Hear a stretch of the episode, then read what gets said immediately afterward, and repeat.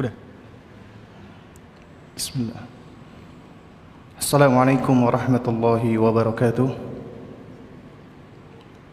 Innal hamdalillah nahmaduhu wa nasta'inuhu wa nastaghfiruhu wa natubu ilayh wa na'udzu billahi min shururi anfusina wa min sayyiati a'malina.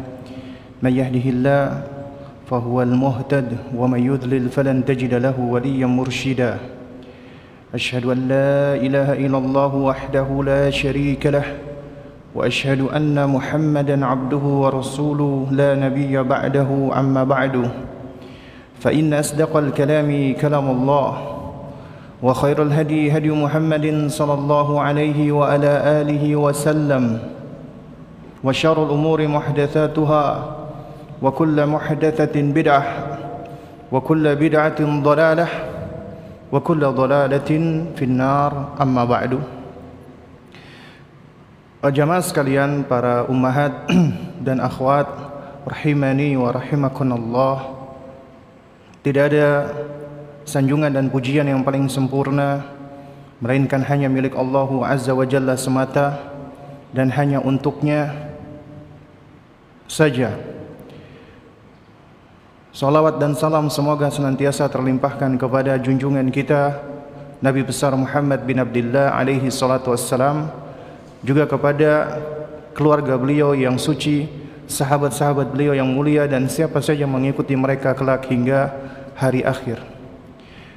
Alhamdulillah kita bersyukur kepada Allah di pagi hari ini kita diperkenankan Allah untuk dapat bersua, bermajelis di salah satu rumah-rumah Allah Subhanahu wa taala dalam rangka untuk belajar mempelajari salah satu ilmu yang paling bermanfaat ilmu yang paling urgent yang wajib diketahui oleh setiap muslim dan mukmin baik yang sudah menikah ataupun belum menikah yaitu bagaimana langkah kaidah landasan di dalam mendidik anak-anak kita berkaitan dengan tujuan mereka diciptakan Allah Subhanahu wa taala yaitu mentauhidkan Allah Subhanahu wa taala. Insyaallah di pagi hari ini kita akan berbicara tentang 10 landasan atau 10 pijakan di dalam menumbuhkan tauhid pada anak-anak semenjak dini. Dan perlu kita ketahui, langkah-langkah pendidikan tidak terbatas hanya 10 tapi ini adalah sebagian darinya. Ya jadi sebagian dari langkah dan pijakan di dalam mendidik anak-anak kita berkaitan dengan masalah tauhid. Pijakan yang pertama Allah Subhanahu wa taala ketika menciptakan kita semua Allah ciptakan kita pasti memiliki tujuan Allah tidak mungkin menciptakan hamba-hambanya tanpa ada tujuan. Dan tujuan itulah yang menjadi tujuan kita mendidik anak-anak kita. Yaitu sebagaimana Allah menciptakan kita. Apa itu? Tidak lain dan tidak bukan adalah pertama untuk mengenal Allah. Yang kedua, untuk beribadah kepada Allah Subhanahu wa taala. Allah menciptakan kita tujuannya ini, mengenal Allah dan beribadah kepada Allah. Pertama kita harus mengenal Allah terlebih dahulu. Bagaimana kita bisa beribadah kepada Allah apabila kita tidak mengenal Allah? Mengenal dan beribadah ini dua pondasi penting. Karena ini adalah ilmu dan amal. Ilmu mengharuskan kita mengenal Allah, mengilmui Allah, ma'rifatullah. Ibadah adalah amal.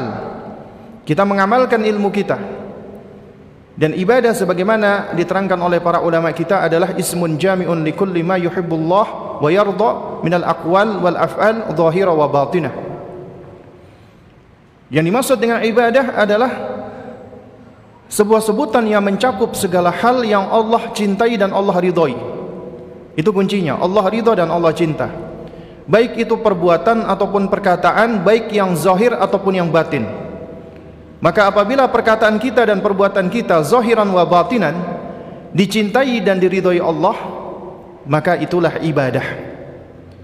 Karenanya apabila seseorang dia bersujud kepada Allah, dia beribadah kepada Allah tapi ternyata Allah tidak ridho dan Allah tidak cinta dengan tata caranya maka itu adalah ibadah yang sia-sia bahkan tidak termasuk kategori ibadah karena ibadah itu mengharuskan Allah ridho dan Allah cinta dengan amalan tersebut karenanya ibadah tidak bisa diterima kecuali ikhlas karena Allah dan harus sesuai dengan tuntunan Rasulullah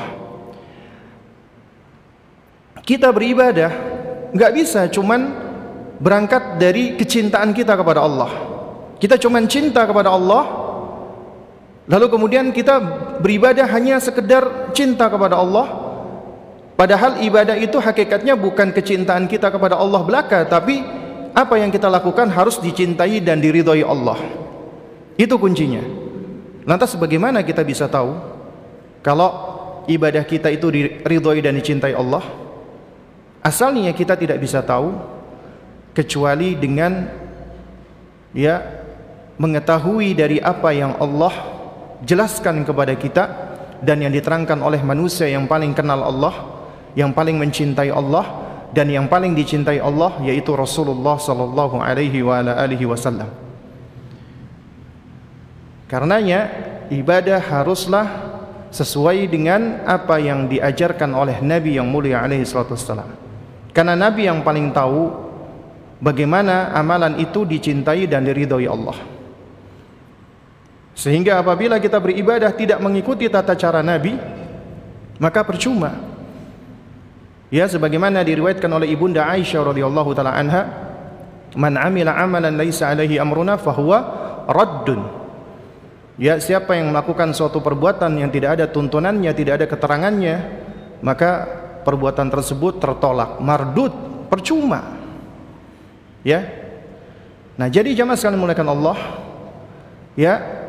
Langkah kita yang pertama adalah kita harus menetapkan bahwa tujuan Allah menciptakan kita adalah tauhid ya sehingga dengannya kita pun mendidik anak-anak kita atau dengan kata lain tujuan kita mendidik anak kita adalah mempersiapkan anak agar bisa menjalankan tujuannya dia diciptakan Allah apa itu? Beribadah kepada Allah, mengenal Allah dan beribadah kepada Allah. Sehingga kewajiban kita adalah harus mendidik anak kita agar mereka mengenal Allah, ma'rifatullah. Dari ma'rifatullah itulah akan tumbuh mahabbatullah, kecintaan kepada Allah. Jamaah sekalian dimulakan Allah Subhanahu wa taala. Kita hidup di dunia ini, kita nggak akan lepas dari namanya kesulitan-kesulitan, kesusahan-kesusahan, kesukaran-kesukaran, kesengsaraan-kesengsaraan. Tapi di sisi lain Allah juga berikan adanya kebahagiaan-kebahagiaan, kesenangan, ketenangan dan seterusnya. Dan kita manusia tentunya menginginkan mendapatkan kebahagiaan, keamanan, ketenangan dan hidayah dari Allah. Namun kita tidak mungkin bisa mendapatkan itu semua apabila Allah Azza wa Jalla tidak memberikannya kepada kita. Artinya keamanan, ketentraman, kedamaian, kebahagiaan itu karunia dari Allah. Allah yang mengkaruniakannya. Dan Allah Subhanahu wa taala menjelaskan bagaimana hamba bisa memperoleh keamanan dan hidayah tersebut. Sebagaimana di dalam surat Al-An'am ayat 82 Allah Azza wa Jalla berfirman, "Alladzina amanu wa lam yalbisu imanahum bidzulmin ulaika lahumul amnu wa hum muhtadun."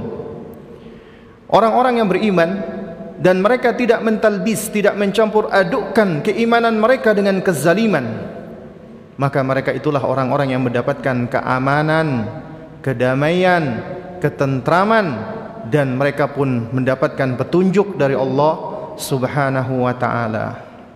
Ini dua nikmat yang besar di dunia dan di akhirat. Allah berikan keamanan di dunia. Allah berikan keamanan di akhirat. Keamanan di akhirat orang-orang yang mentauhidkan Allah Allah selamatkan dari siksa neraka atau setidaknya Allah selamatkan dari kekalnya siksa neraka. Dan Allah berikan hidayah, petunjuk di dunia dan di akhirat. Di akhirat Allah berikan petunjuk agar bisa melewati ya as-sirat dengan selamat. Ketika ayat ini turun, tampak wajah sahabat itu begitu berat. Ya, wajahnya begitu sedih.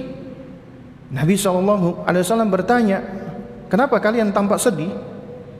Kemudian mereka menjawab, Ya Rasulullah, ayyuna nahnu lam yadlim nafsahu Ya Rasulullah siapa di antara kita ini yang tidak pernah menzalimi dirinya sendiri Karena ayat ini mengatakan alladzina amanu wa lam yalbisu imanahum bizulmin Ya orang-orang yang beriman dan tidak mencampurkan keimanannya dengan kezaliman Sahabat memahami makna zalim di sini artinya adalah menganiaya diri sendiri Kemudian Rasulullah SAW mengoreksi apa yang dikira oleh sahabat. Nabi mengatakan, "Ya laisa kama tadhunnun." Maksud ayat ini tidak sebagaimana yang kalian kira. Innama huwa kama qala libnihi. Ya. Maksud ayat ini adalah sebagaimana Luqman berkata kepada anaknya, "Ya bunayya la tusyrik billah, inna syirka la dhulmun azim."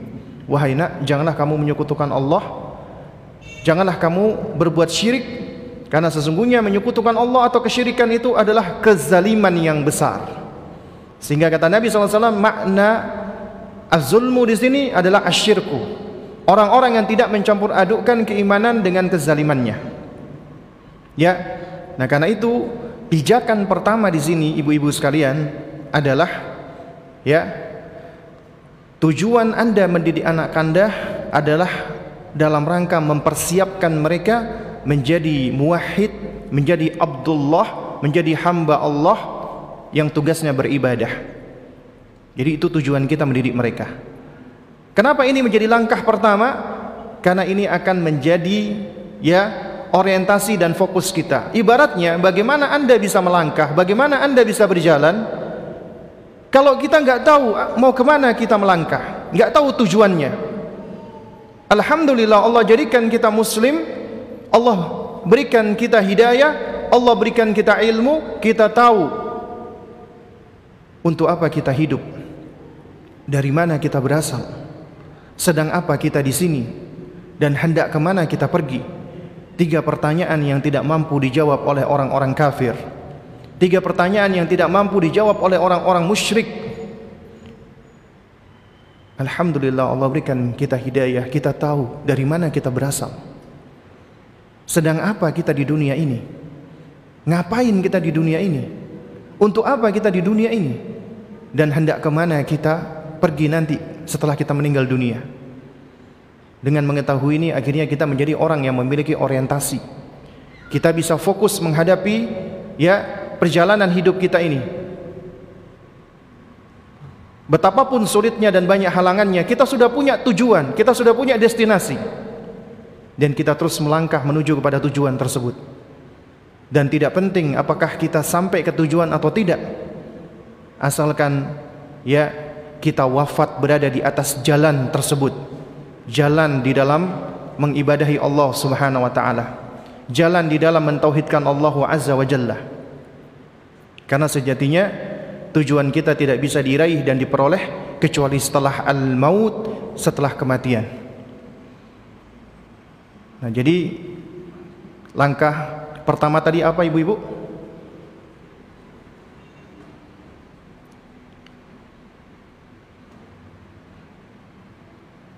Langkahnya apa, Bu?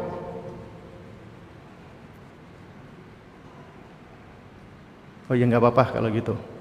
Malu mungkin ya. Nah, jadi langkahnya adalah tauhid adalah tujuan Allah Subhanahu wa taala menciptakan kita dan itu menjadi tujuan kita mendidik anak kita. Atau dengan kata lain tujuan kita mendidik anak kita adalah untuk mempersiapkan anak kita menjadi hamba Allah. Ya, untuk menjadi muwahhid. Itu yang pertama. Kemudian yang kedua, pijakan yang kedua adalah fahami bahwasanya anak-anak kita sudah Allah karuniakan dengan berbagai macam instrumen, dengan berbagai macam alat, dengan berbagai macam tools and equipment, dengan berbagai macam ya perkakas itu sudah Allah berikan dan semuanya itu Allah berikan dalam rangka untuk mensupport alias mendukung hamba atau manusia untuk menjalankan tujuannya di muka bumi ini yaitu beribadah kepada Allah. Jadi ibu-ibu sekalian, kita harus tahu nih bahwa Allah ketika menciptakan kita dalam rangka untuk mengenalnya dan beribadah kepadanya, gak mungkin Allah cuman menciptakan begitu saja tanpa Allah berikan kepada kita alat-alatnya, instrumennya, kemampuannya. Apa saja yang Allah berikan kepada kita? Pertama, Allah berikan kepada kita yang namanya fitrah. Allah berikan kepada kita apa namanya Bu? Fitrah. Fitrah ini maknanya adalah at-tabi'atus salimah. Tabiat yang selamat, yang bersih. Ya. Anil uyubi wan nuqsani. Dari berbagai macam kekurangan-kekurangan dan dari berbagai macam celah Artinya manusia itu sudah diciptakan dalam tabiat yang baik. Tabiat yang bersih. Di dalam surat Ar-Rum ayat 30 ketika Allah Azza wa Jalla berfirman fitratallahi allati fataran nasa 'alaiha la tabdila li khalqillah. Demikianlah fitrah Allah yang Allah Subhanahu wa taala menciptakan manusia berada di atasnya.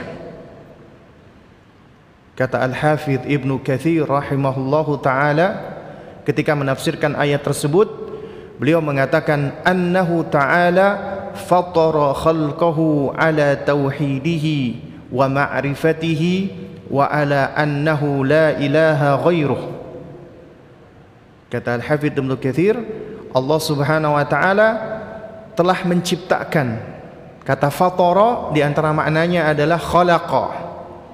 Allah telah menciptakan ya. Hamba-hambanya berada di atas apa? Tauhid, ma'rifatullah dan keyakinan annahu la ilaha ghairuh. Tidak ada sesembahan yang hak kecuali Allah. Kata Al-Hafidz Ibnu Katsir.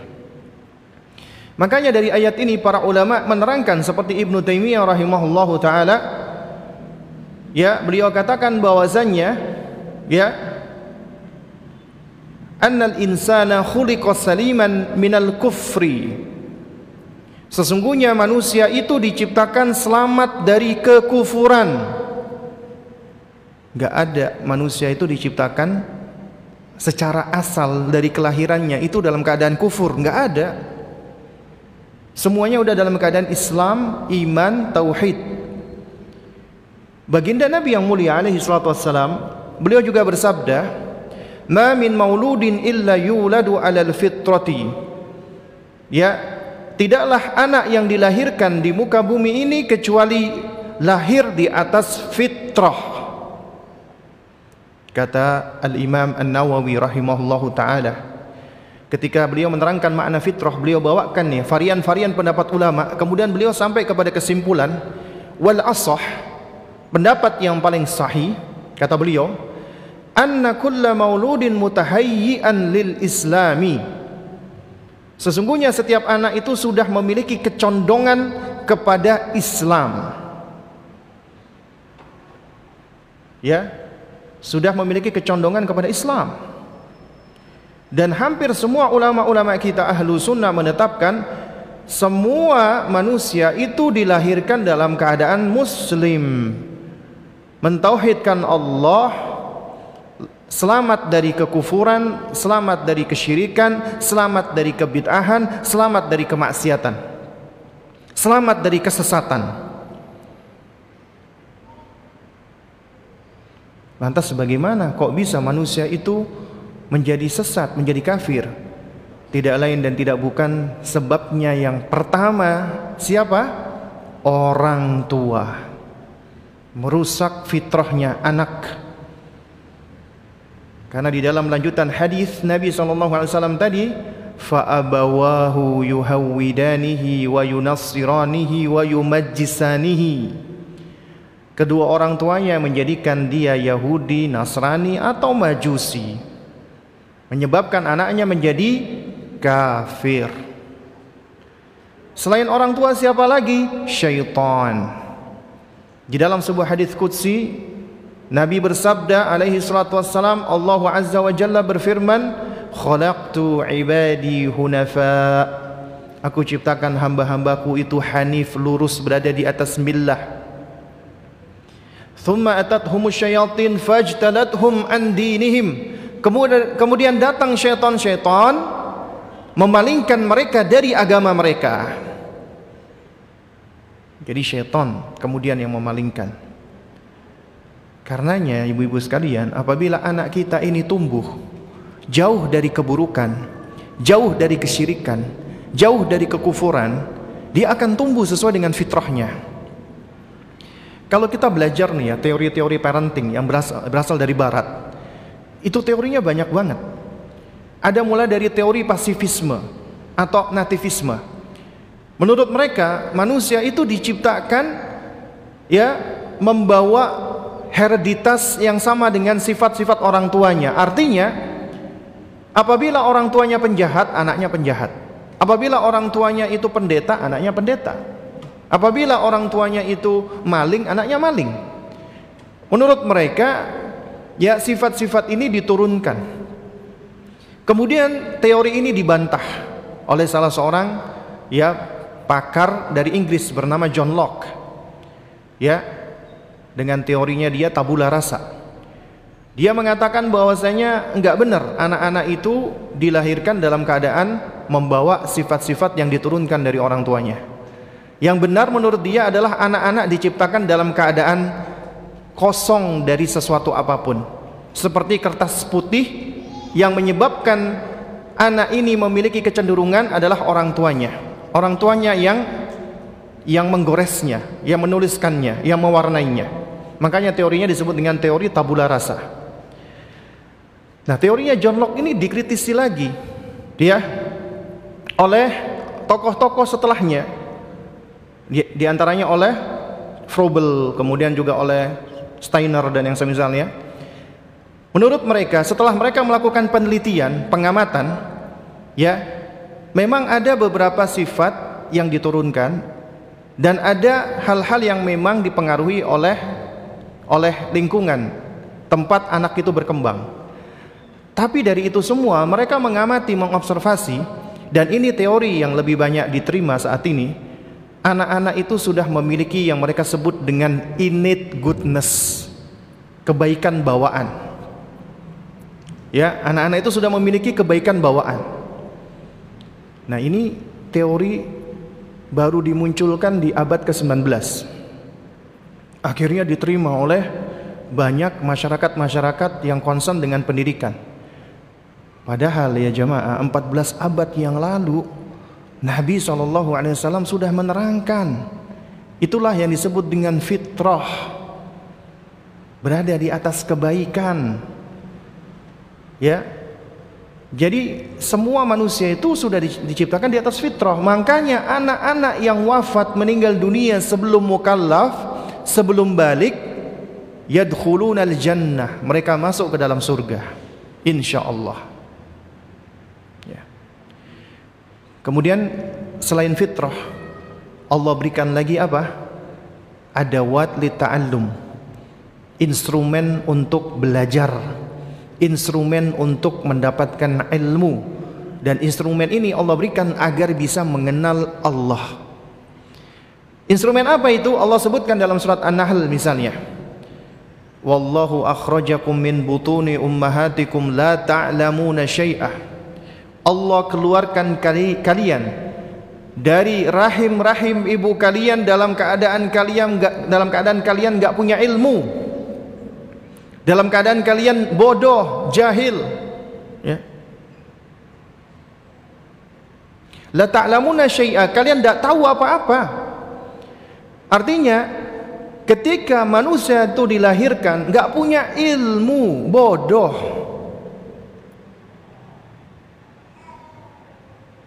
Tapi Allah berikan berikan alat, karuniakan instrumen agar bisa memperoleh ilmu. Apa itu? Wa ja'ala lakumus sam'a wal absar wal af'idah la'allakum tashkurun. Kemudian baru Allah berikan indera pendengaran, indera penglihatan dan indera pemahaman. Kata Al-Hafidz Ibnu Katsir, al-afidatu wahiyal ukul yaitu akal. Ya. Ini instrumen-instrumen yang Allah berikan kepada hamba agar bisa digunakan untuk mengenal Allah Subhanahu wa taala. Ya. Dan Allah menyebutkan menariknya tiga instrumen ini itu selalu berurutan selalu berurutan. Kita bisa lihat di dalam surat Al-Mu'minun 78 misalnya. Allah berfirman wa huwallazi ansha'a lakum as-sam'a wal basara wal fuada qalilan ma tashkurun. Dialah Allah Subhanahu wa taala. Ansha'a lakum yang menjadikan untuk kalian yang tadinya tidak ada menjadi ada.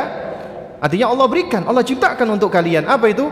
Pendengaran, penglihatan, dan pemahaman tapi alangkah sedik alangkah apa namanya sedikitnya kalian bersyukur kepada Allah ya. Kemudian kita lihat lagi misalnya surat As-Sajdah ayat ke-9.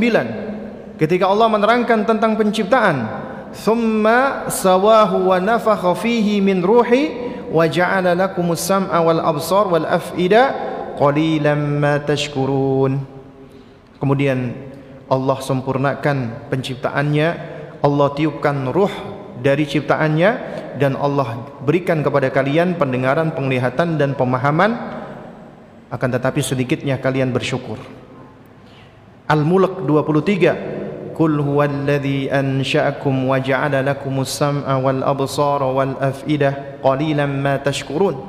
Katakanlah dialah Allah yang memberikan untuk kalian pendengaran, penglihatan, pemahaman tapi alangkah sedikitnya kalian bersyukur. Kalau kita perhatikan, selalu Allah setelah menyebutkan tentang instrumen ini, Allah ingatkan, la'allakum tashkurun agar kalian bersyukur atau Allah jelaskan alangkah sedikitnya kalian itu bersyukur. Ternyata banyak manusia Allah berikan karunia-karunia ini mereka abai, lalai dan kufur tidak bersyukur kepada Allah. Ya. Kenapa? Karena mereka tidak mempergunakan instrumennya ini dalam rangka untuk mengenal Allah. Tujuan Allah memberikan instrumen ini. Karenanya di dalam surat Al-Isra ayat 36 Allah ingatkan wala taqfu ma laisa laka bihi ilmun. Janganlah kalian mengikuti sesuatu yang kalian tidak memiliki ilmunya. Inna sam'a wal basara wal fuada kullu ulaika kana anhu mas'ula. Karena sesungguhnya pendengaran, penglihatan dan pemahaman semuanya itu akan dimintai pertanggungjawaban oleh Allah. Dan jamaah sekalian, ya para ummahat yang dimuliakan Allah, ketika Allah menyebutkan ini berurutan berulang-ulang, ternyata secara ilmu pedagogik, ilmu perkembangan anak, demikian kenyataannya yang berkembang pertama kali adalah pendengaran, kemudian penglihatan, kemudian pemahaman. Nah, karenanya ketika para ulama membagi fase-fase anak ya, maka fase bayi atau sibian 0 sampai 2 tahun ini fase kita fokus mentasmi wa talqin. Sebagaimana yang dilakukan oleh Ummu Sulaim kepada anaknya Anas bin Malik ya yang dari kecilnya semenjak disusui selalu ditalkin dengan la ilaha illallah wa anna Muhammad Rasulullah. Berulang-ulang. Ya. Juga demikian yang dilakukan oleh cicit-cicitnya Rasulullah sallallahu alaihi wa ala alihi wasallam. Ya. Cicit-cicitnya nabi. Ya. Itu biasa mentalkin anak-anaknya. Na kul amantu billah. Ya Katakanlah aku beriman kepada Allah wa kafartu bitaghut dan aku kufur terhadap taghut. Itu ditalkin bolak-balik seperti itu. Kemudian di usia 2 sampai 7 tahun disebut dengan usia gulam atau tufula. Nah, ini baru penglihatannya sudah mulai uh, sempurna, optimal. Mereka menjadi pengamat, observer, sehingga mereka menjadi pengcopy paste, penduplikasi, ya yang luar biasa.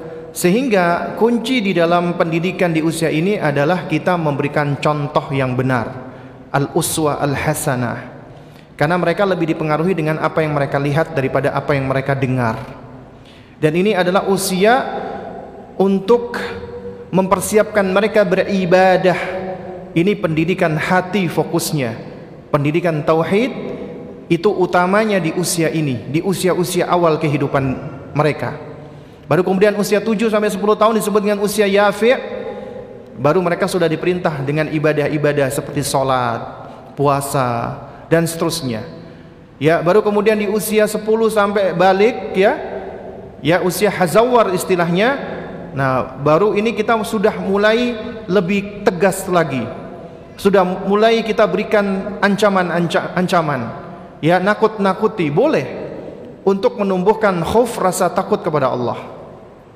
Nah, jadi dengan mengetahui fase-fase ini ya jamaah sekalian, kita akhirnya bisa bersikap hikmah. Nah, Kemudian yang ketiga yang Allah karuniakan kepada anak-anak kita adalah al-wijdan wal masyair. Ya, emosi dan perasaan. Makanya kita dikatakan manusia karena kita punya perasaan, punya emosi. Manusia itu bisa menangis, bisa bersedih, bisa tertawa. Ya, karena itulah manusia. Nabi kita yang mulia alaihissalam manusia. Beliau bisa tertawa. Beliau bisa bersedih. Beliau bisa menangis. Ya. Nah, emosi-emosi yang Allah berikan di dunia ini, yang Allah berikan kepada manusia di dunia ini, itu di antara hikmahnya sejatinya jamaah sekalian. Agar kita itu benar-benar ya ketika diuji Allah kita benar-benar bisa menentukan nih mana yang lebih dominan. Apakah kita lebih mengikuti emosi kita perasaan kita ataukah kita lebih mengikuti ilmu lebih mengikuti keimanan? Ketika seseorang itu diuji oleh Allah. Kemudian dia sedih apakah dengan sedihnya dia lantas kembali inabah kepada Allah ataukah dia malah marah dengan Allah? Apa salahku ya Allah engkau uji aku seperti ini? Ada nggak manusia seperti ini? Ada.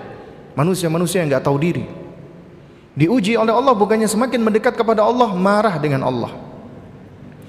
Dan ada pula yang Allah berikan Karunia nikmat di dunia Malah lalai dari Allah Kufur dari Allah Sehingga hartanya menjadi istidraj. Dia semakin menjauh dari Allah. Itu musibah yang besar. Ya. Dan juga di antara faidahnya sebagaimana diterangkan oleh para ulama agar manusia di dunia sudah bisa merasakan sebagian dari apa yang akan dirasakan ketika nanti di yaumil akhir. Ketika anda merasakan bahagia Masya Allah nikmat bahagia itu dan itu yang akan dirasakan oleh ahlul jannah. Penghuni surga bahagia abadi. Nggak ada lagi rasa khawatir nggak ada lagi rasa takut nggak ada lagi rasa sengsara nggak ada lagi rasa sedih. Bahagia. Dengan kita merasakan bahagia kita bersyukur kepada Allah kita memohon kepada Allah ya Allah langgengkanlah kebahagiaan kami ini ya Allah. Yaitu di surganya nanti karena di dunia kita nggak mungkin bisa bahagia terus Allah uji kita dengan kesedihan kekhawatiran, kesengsaraan. Dan itu yang akan dirasakan oleh ahlun nar, penghuni neraka nanti. Kita merasakan betapa enggak nyamannya. Kita merasa sengsara, kita merasa sedih, kita merasa kecewa, kita merasa khawatir, enggak nyaman. Dan ini yang nanti akan dirasakan oleh ahlun nar, penghuni neraka. Dan kita berlindung kepada Allah, memohon kepada Allah, ya Allah, jauhkanlah kami dari neraka ya Allah sehingga kami tidak akan merasakan emosi-emosi yang negatif tersebut, perasaan-perasaan yang buruk tersebut untuk selama-lamanya. Alhamdulillah Allah berikan kita kesempatan di dunia. Allah uji kita dengan siklus kehidupan. Hari ini kita bahagia, besok kita sedih. Hari ini kita susah, besok kita mudah. Hari ini kita tertawa, besok kita menangis. Itu bagian dari kehidupan. Dan Nabi takjub kepada orang-orang beriman, ya. Kata Nabi sallallahu alaihi wasallam, ya, ajaban li amril mu'min, sungguh sangat mengagumkan urusan seorang mukmin. Kenapa? Apabila dia ditimpa dengan kesulitan, apabila dia ditimpa dengan kebaikan, maka dia bersyukur kepada Allah dan itu baik baginya. Dan apabila dia ditimpa dengan kesulitan, dia bersabar dan itu baik baginya. Dan ini tidaklah diperoleh kecuali oleh orang-orang yang beriman. Makanya orang-orang beriman ketika mendapatkan nikmat bertahmid memuji Allah alhamdulillahilladzi bi ni'matihi salihat ketika diuji oleh Allah Subhanahu wa taala juga bertahmid alhamdulillahi ala kulli hal. Akhirnya Allah pun mencintai hamba-hamba yang seperti ini. Karena ini hamba-hamba yang senantiasa memuji menyanjung Allah bersyukur kepada Allah. Sementara Allah bolak-balik mengatakan wa qalilum min ibadiyah syakur qalilan ma tashkurun. Ya Allah bolak-balik mengatakan sedikit dari kalian yang mau bersyukur Ibu-ibu sekalian dengan kita memahami karunia-karunia ini kepada anak kita maka kita akan berupaya untuk mengenali mereka dan kita berupaya untuk apa? menjaga fitrahnya menstimulasi adawat adawat li ta'allum ya menstimulasi indra-indranya mereka ya agar mereka bisa terstimulasi sesuai dengan perkembangan usianya tadi. Di usia bayi kita tasmi wa talqin. Di usia sekian kita lakukan ini. Di usia berikutnya kita lakukan ini. Ya? Dan kemudian juga kita mengenalkan anak-anak kita dengan emosi dan perasaannya. Itu penting. Karena ketika Anda mengenalkan anak dengan emosi dan perasaannya mereka Berarti Anda akan mendidik kelak insya Allah manusia-manusia yang tangguh. Manusia-manusia yang kuat. Manusia-manusia yang tidak cemen dan cengeng. Tidak pula temperamen dan juga gampang marah. Kenapa? Karena mereka mengenal dirinya, mengetahui emosinya. Nah, caranya bagaimana? Pertama, ajarkan mereka untuk bisa mengidentifikasi emosi dan perasaannya. Emosi itu bisa terwujudkan dengan ekspresi verbal dan nonverbal. Ketika dia lagi ketawa, masya Allah, anak Umi hari ini kelihatan bahagia, wajahnya kelihatan tersenyum. Ketika dia lagi sedih, kenapa ini anak Umi kok wajahnya sedih? Coba-coba nak, ayo sampaikan kepada Umi ya ajarkan dia untuk mengenali emosinya. Kakak kelihatan lagi marah ya kak. Sini sini sini kak sini kak. Coba kak terangkan kepada Umi kakak kenapa marah? Ketika anak kita lagi nangis biarkan dia menangis. Jangan dihentikan nangisnya. Jangan langsung kita mengatakan kamu dikit-dikit nangis cengeng banget sih kamu. Ngapain kamu nangis udah gede kamu nangisan. Atau apalagi ada sebagian orang tua ini nganggep anak laki-laki nggak boleh nangis. Kamu ini anak cowok cengeng banget nangis melulu. Nangis itu bagian dari emosi manusia. Maka biarkan dia mengungkapkan emosinya mengenali emosinya kemudian validasi. Empati. Akui perasaannya. Ya Allah nak, Umi tahu nak, kamu pasti hari ini lagi sedih ya nak, sini sini nak dengan Umi nak agar dia merasa diakui, dihargai, dimengerti oleh orang tuanya. Dan itu akan membangun bonding yang insya Allah kuat. Uminya ngertiin dia, abinya mahamin dia. Karena berkembangnya usia ibu-ibu sekalian, anak anda sekarang taruhlah masih kecil ya. Tapi dengan berkembangnya usia biasanya kepercayaan mereka ke orang tuanya itu semakin pudar. Buktinya ada masalah jarang curhat kepada orang tuanya jarang ngobrol sama orang tuanya, gak nyaman ngomong sama orang tuanya. Itu jangan sampai seperti itu. Anda mengandung anak Anda 9 bulan, tumbuh di rahim Anda. Dia bisa merasakan apa yang Anda rasakan, detak jantung Anda dia juga rasakan. Dia berbagi makanan dengan Anda. Ketika Anda sedih, bayi itu juga tahu Anda sedih. Ketika Anda gelisah, ketika Anda marah, demikian pula ketika Anda bahagia, itu bisa dirasakan oleh bayi dan itu mempengaruhi perkembangannya. Makanya orang tua yang sering stres, ibu yang sering stres, itu mempengaruhi bayi. Dan ibu yang tenang ketika melahirkan, yang bahagia, itu juga insya Allah anaknya juga akan terpengaruh. Ya, itu dokter Kariman Bakar ya uh, di dalam uh, buku beliau ya tentang pendidikan anak di usia janin sampai 2 tahun itu beliau menerangkan ya beliau melakukan uh, semacam penelitian riset kepada sejumlah ibu-ibu Beliau riset antara ibu-ibu yang sering membaca Al-Quran dengan ibu-ibu yang jarang baca Al-Quran. Ternyata ibu-ibu yang sering baca Al-Quran, anaknya itu cenderung ya memiliki keterkaitan dengan Al-Quran dibandingkan ibu-ibu yang jarang baca Al-Quran. Dan ternyata anak-anak yang sering ibunya itu baca Al-Quran, itu emosinya atau bayinya itu cenderung tenang. Nangis-nangis cuman seadanya tapi ibu-ibu yang jarang baca Quran itu anaknya biasanya gelisah, suka nangis. Ya. Kadang-kadang malam-malam nangis nggak jelas seperti itu. Nah, ini ada penelitian yang beliau lakukan menunjukkan bahwasanya pendidikan anak-anak ketika masih berada di janin itu kuncinya pada ibunya, pada uminya. Ya, umi yang paling berperan. Tapi kebahagiaan dan ketenangan umi itu yang paling berperan siapa? suami. Karena apabila suami nggak support, yang ada suaminya bikin bete istrinya, wah itu juga mempengaruhi sang bayi. Makanya nasihat saya biasanya kepada para suami yang istrinya lagi hamil, ketika nanya Ustadz, apa nasihat antum supaya kami bisa mendidik anak kami yang berada di kandungan? Nasihat kami kepada para suami, wahai suami, bahagiakan istrimu. Ya, sabar di dalam menghadapi keadaannya karena wanita hamil itu berat. Kadang-kadang emosinya juga naik turun. Tiba-tiba kita mungkin laki-laki nggak tahu ini kenapa ini istriku kok nangis tiba-tiba. Tiba-tiba nangis, ya.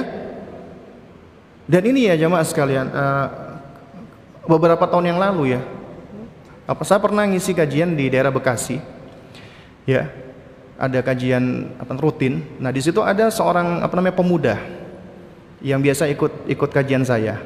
Kemudian dia kasih tahu bahwasanya dia insya Allah uh, dua minggu lagi mau menikah. Alhamdulillah dia kasih kasih undangan ke saya. Cuman ketika itu apa saya nggak bisa hadir.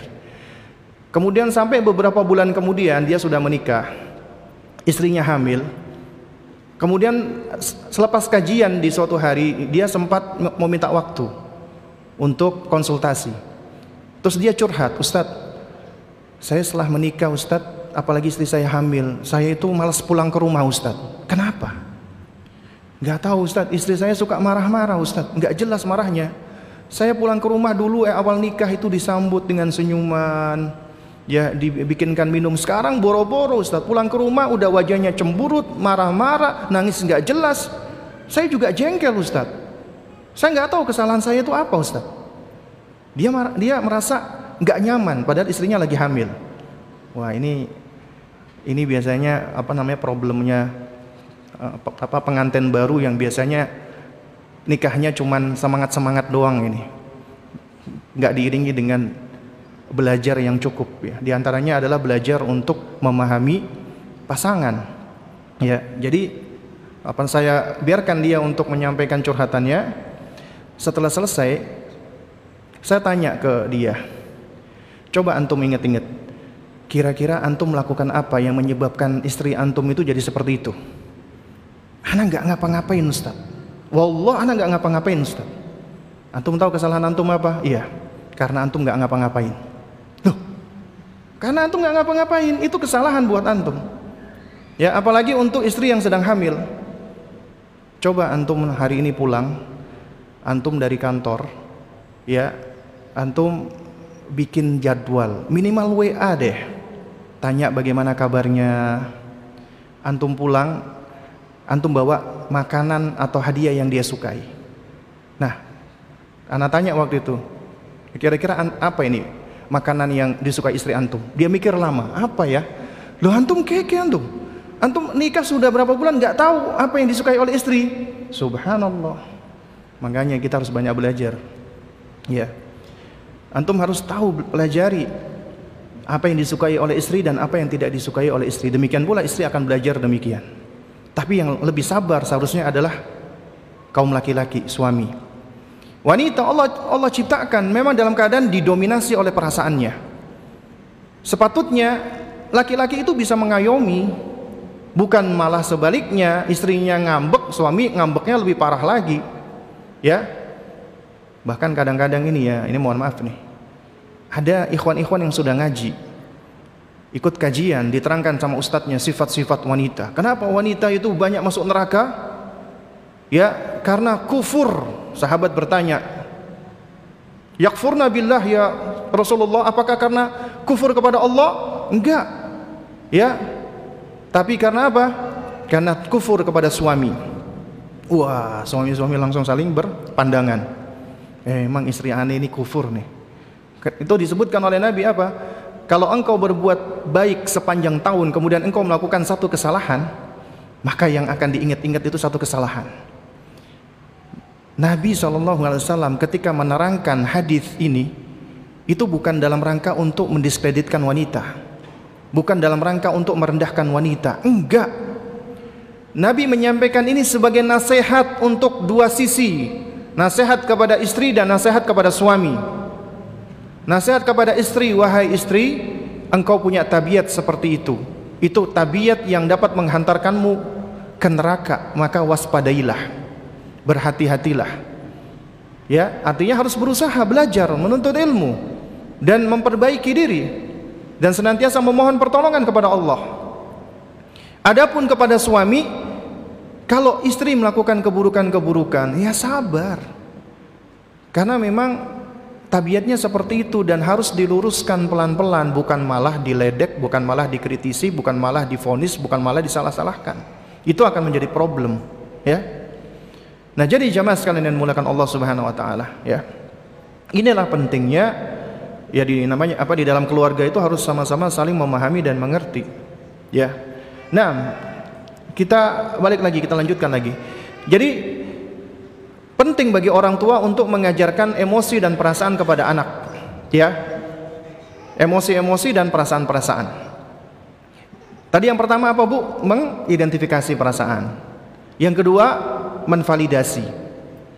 Baru yang ketiga, nah, kita ajak untuk mengelola dan memanage emosi tersebut. Contoh misalnya, Anda punya anak dua, kakak sama adik. Usianya ya yang kakak mungkin usia TK, adiknya usia 3 tahun 2 tahun. Nah, si kakaknya misalnya lagi main nih, lagi nyusun balok, bikin istana. Wah, dia udah serius. Tiba-tiba adiknya datang, ditendang itu mainannya. Hancur. Kakaknya marah dan nangis. Apa yang biasa dilakukan oleh orang tua? Ayo coba apa yang apa yang Anda lakukan apa kira-kira? Apakah Anda biarkan saja ataukah Anda langsung secara spontan pertama ada yang menyalahkan adiknya? Adik, adik nggak boleh kayak gitu dong. Kamu kok rusak mainannya kakak? Eh sana kamu minta maaf sama kakak. Ya, akhirnya kita omelin sang adik. Atau yang kedua kita omelin sang kakak. Udahlah kak, gitu aja kamu nangis cengeng banget sih kamu kak adik nggak ngerti apa-apa. Ya itu kan biasa kita lakukan kan? Ya. Padahal pendekatan yang seharusnya kita lakukan adalah apa? Kita harus mengajari anak untuk mengenali perasaannya dan menerima perasaannya dulu. Misalnya ke sang kakak yang lagi sedih, lagi nangis. Kita dekati. Kemudian kita ucapkan, "Iya Kak, Umi tahu Kakak lagi sedih ya." Biar biarkan dia mengakui. Kalau dia nggak mau ngomong apa yang dia rasakan, kita tanya. Ya, kakak lagi sedih. Dia misalnya angguk-angguk. Kakak lagi marah ya. dia angguk-angguk. Nah, berarti dia sudah tahu nih apa yang dia rasakan. Kemudian kita validasi. Ya. Ya Umi tahu kalau kakak marah, kakak lagi sedih karena mainannya kakak di di apa namanya di bongkar sama adik. Biarkan dia meluapkan dulu kemarahan dia atau dia menangis. Kemudian setelah itu baru kita terangkan, kakak, adik itu sebenarnya pengen main sama kakak, tapi adik belum tahu caranya. Ketika kakak itu bikin mainan tinggi, nah adik itu senang excited. Akhirnya dia dekati, dia tendang. Jadi dipikir cara mainnya seperti itu. Adik belum ngerti. Baru kemudian kita ajari dia untuk belajar bernalar, tapi pelan-pelan memang, ya. Nah, kemudian kita jelaskan kalau dia belum bisa menjawab, suruh dia menjawab ya atau tidak, mengangguk atau menggeleng. Ya, jadi ini hal-hal yang perlu kita lakukan. Nah, dan ini sangat erat loh kaitannya untuk mendidik mereka tentang tauhid, ya. Apa? Karena ini bagian-bagian dari karunia-karunia yang Allah berikan, ya, yang mana kita mengenalkan anak-anak kita dengan semua potensinya ini dalam rangka untuk mensupport mereka beribadah kepada Allah. Nah, kemudian yang ketiga, ya kita fokus ke tadi adawat li ta'allum. Ya, instrumen anak-anak kita untuk belajar, mendapatkan ilmu. Itu berkembang secara bertahap. Nah, coba di sini kita perhatikan ya ucapan Al-Hafidh Ibnu Katsir rahimahullahu taala ketika menafsirkan surat An-Nahl ayat 78. Karena ini sangat syarat faidah pendidikan. Al-Hafidz Ibnu Katsir rahimahullahu taala beliau menyebutkan thumma dzakara ta'ala minnatahu ala ibadihi. Kemudian Allah Subhanahu wa taala menyebutkan tentang karunia-Nya kepada hamba-hambanya. Fi ikhrajihi iyyahum min butuni ummahatihim la ya'lamuna syai'ah yaitu dengan mengeluarkan mereka dari rahim ibu-ibu mereka dalam keadaan mereka tidak punya ilmu sedikit pun. Thumma ba'da hadza yarzuquhum ta'ala as-sam'a. Kemudian setelah itu Allah mengkaruniakan kepada mereka pendengaran. Kemudian perhatikan kata Al-Hafidz Ibnu Katsir ketika menerangkan fungsi pendengaran. Alladzi bihi yudrikunal aswat. Yang mana dengan pendengaran itu mereka dapat memahami suara. Perhatikan ibu-ibu. Ibnu Katsir tidak mengatakan ya alladzi bihi yasma'unal aswat. Dengan pendengaran itu mereka mendengarkan suara. Enggak. Bukan cuma sekedar mendengar tapi idrok memahami suara. Allah karuniakan kepada kita manusia kemampuan untuk memahami suara, berkomunikasi, berbicara secara verbal. Kita makhluk yang bisa berbahasa. Kita bisa berbicara. Allah karuniakan hal tersebut. Ya, di dalam surat Ar-Rahman Allah mengatakan Ar-Rahman, Ar-Rahman al Quran, khalaqal insan, allamahul bayan. Allah yang menerangkan manusia itu bisa menerangkan, bisa menjelaskan. Allah yang berikan kemampuan ini kepada bapak kita Nabiullah Adam alaihissalam. Ya, ya. Allamal adama asma'a ya. Allah Subhanahu wa taala yang mengajarkan kepada Adam itu nama-nama seluruhnya. Semuanya. Allah yang ajarkan. Makanya kita manusia itu memiliki kemampuan untuk bisa memberi nama atau atribut kepada segala sesuatu. Kita bisa menyebut ini gelas, menyebut ini tablet, menyebut menyebut ini mikrofon, menyebut ini botol, menyebut ini meja, itu kemampuan yang Allah berikan kepada manusia, tidak diberikan kepada hewan dan lain sebagainya. Ya. Kita mampu untuk berbahasa secara verbal. Kemampuan berbahasa secara verbal ini nggak nggak lepas dari yang namanya mendengar dan kemudian merespon dengan mengeluarkan suara. Ya. Makanya di sini Al-Hafidz Ibnu Katsir menyebutkan ya Allah Taala Taala berikan pendengaran alladzi bihi yudrikunal aswat dengan pendengaran itu manusia itu bisa memahami suara. Bukan cuma mendengarkan, memahami suara, ngerti suara. Seperti Anda sekarang mendengarkan suara saya. Suara saya ini keluar dari ya apa namanya? Uh, kumpulan dari huruf, ya kan? huruf-huruf yang berkumpul berhimpun itu menjadi kata itu disebut kalam kalam itu kaidahnya di dalam uh, bahasa Arab yufidu makna membuahkan makna kalau tidak membuahkan makna itu nggak tepat disebut dengan kalam itu bisa jadi cuman igawan makanya ketika saya bicara saya mengeluarkan huruf-huruf, huruf-huruf membentuk kata-kata, kata-kata membentuk kalimat. Dari kalimat akhirnya apa namanya membentuk konteks yang bisa dipahami. Ya, berarti Anda sekarang mendengarkan suara saya dan Anda berusaha memahaminya. Yudrikun al aswat dan ini Allah berikan dari semenjak kecil. Ya, dari semenjak masih bayi. Kemudian wal absar allati biha yuhissunal mar'iyat dan penglihatan di sini Al-Hafidh Ibnu Katsir tidak hanya menyebutkan yang duruna. Tidak, tapi yuhissuna al-mar'iyat. Yuhissuna itu artinya apa? Mengindra secara visual. Bukan cuma melihat, tapi memahami sesuatu secara visual. Ini ternyata mengandung ya konsep pendidikan yang luar biasa. Ya. Ibu-ibu sekalian yang dimuliakan Allah Subhanahu wa taala. Kalau saya menjelaskan kepada ibu-ibu,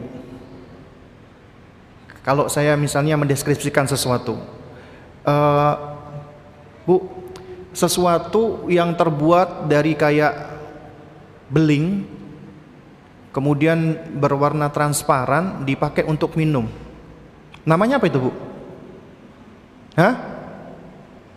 Apa namanya? Wah kayaknya nanya ke bapak-bapak aja deh. Oh gelas, nah. Nah, jadi saya mendeskripsikan Anda berusaha membayangkan dan Anda tahu ternyata yang saya maksudkan adalah gelas, ya kan? Tapi kalau saya langsung mengangkat gelas ini, saya langsung tanya, "Ibu-ibu ini apa?" Gelas. Kira-kira mana yang lebih cepat Anda tangkap? Apa yang Anda dengarkan atau yang Anda lihat? Hah? Mana yang yang lebih dahulu ditangkap? Yang dia yang di yang dilihat. Yang dilihat. Karena yang dilihat itu langsung konkret. Kita langsung bisa tahu. Karena untuk menjelaskan ini itu memang butuh des deskripsi kata-kata yang tiap orang mungkin beda-beda. Tapi ketika Anda melihat, semua orang melihat langsung tahu, oh bentuknya seperti ini, seperti ini, seperti ini, langsung tahu. Karena itu, ya, anak-anak di usia ini memang mereka kemampuan memahaminya sebatas konkret. Sesuatu yang bisa mereka indera. Nah, karena itu ibu-ibu sekalian, ketika Anda ingin menjelaskan kepada anak-anak contoh misalnya Nak, nanti di surga, nanti di uh, surga Allah. Surga Allah itu indah banget. Indah luar biasa. Indah itu konkret atau abstrak ibu-ibu? Indah. Hah? Sesuatu yang konkret atau yang abstrak? Abstrak. Nah, sesuatu yang abstrak itu sering kali belum mampu dipahami anak-anak. Karenanya metode kalau kita mengacu kepada isyarat-isyarat di dalam Al-Quran dan keterangan para ulama kita harus membangun pemahaman dia dulu terhadap suatu kata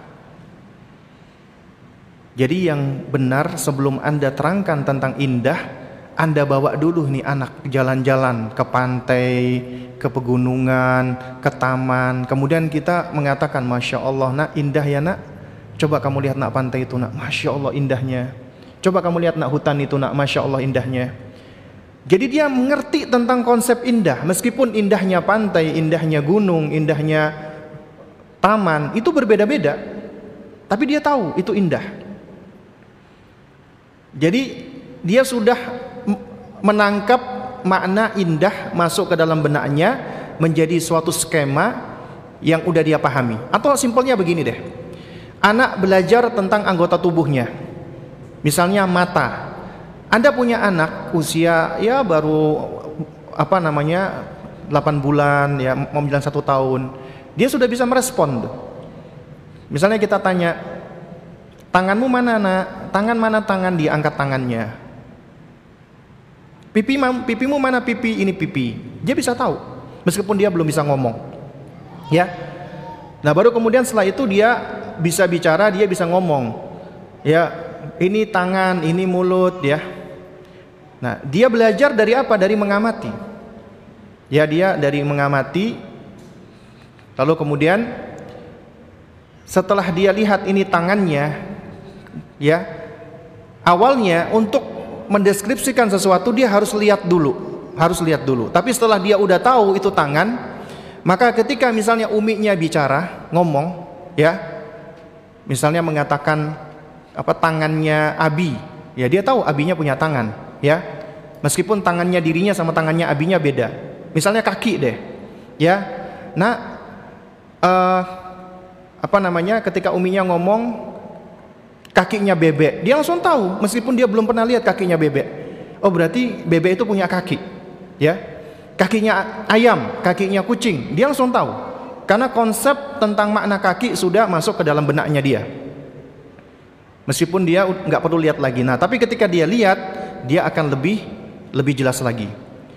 Nah, ini sebenarnya konsep kita membangun untuk mengajarkan ya di antaranya tentang masalah tauhid tentang masalah perkara-perkara goibiyah yang tidak bisa di di indra ya yang tidak bisa di indra nah karena itu boleh kita melakukan metode tamsil metode tamsil ini metode yang digunakan oleh Allah subhanahu wa ta'ala oleh Rasulullah oleh para nabi dan rasul dan oleh orang-orang soleh banyak digunakan. Untuk apa? untuk mengkonkretkan perkara-perkara yang abstrak dalam rangka takribul faham tapi tentunya ada kaidahnya nggak bisa sembarangan Ya apalagi ketika berbicara tentang nama-nama dan sifat-sifat Allah. Ya, tapi boleh kita melakukan tamsil tapi tamsil al-aulah seperti yang dilakukan oleh Nabi SAW. Contoh misalnya ketika Nabi menggambarkan kasih sayang Allah, ya, rahmat Allah itu dibandingkan dengan rahmatnya ibu kepada anaknya. Allah lebih penyayang daripada ibu. Juga demikian misalnya Allah Maha melihat. Kita boleh ajarkan Allah berikan kepada kita nak kemampuan bisa melihat. Tapi penglihatan kita terbatas. Kita ketika gelap nggak bisa melihat, yang jauh kita nggak bisa lihat, yang ada temboknya kita nggak bisa lihat yang ada di baliknya. Tapi Allah bisa melihat semuanya. Penglihatan Allah sempurna. Yang demikian ini boleh kita lakukan. Nah, Baru kemudian wal afida wa hiya al uqul allati markazuha al qalbu ala al sahih wa kila wal aqlu bihi yumayyizu bainal asya' dhariha wa nafi'iha. Kemudian yang Allah berikan ketiga adalah afidah kata Al-Hafidz Ibnu Katsir, akal. Yang mana dengan akal itu ya akal itu menurut pendapat yang kuat kata beliau tempatnya di dalam hati. Sebagian berpendapat di otak. Dan akal itu tujuannya untuk yumayyizu, memilah-milah antara mana yang baik, mana yang buruk, mana yang bermanfaat, mana yang tidak bermanfaat. Nah, ini kita sebut dengan tamyiz.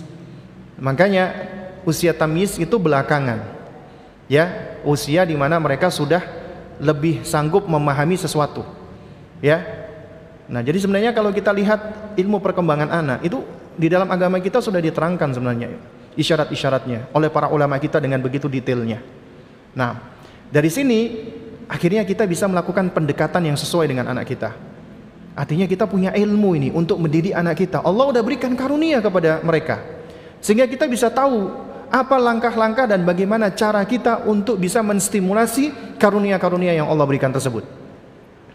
Ini udah jam 11 ya. Nah, kita lanjutkan singkat-singkat.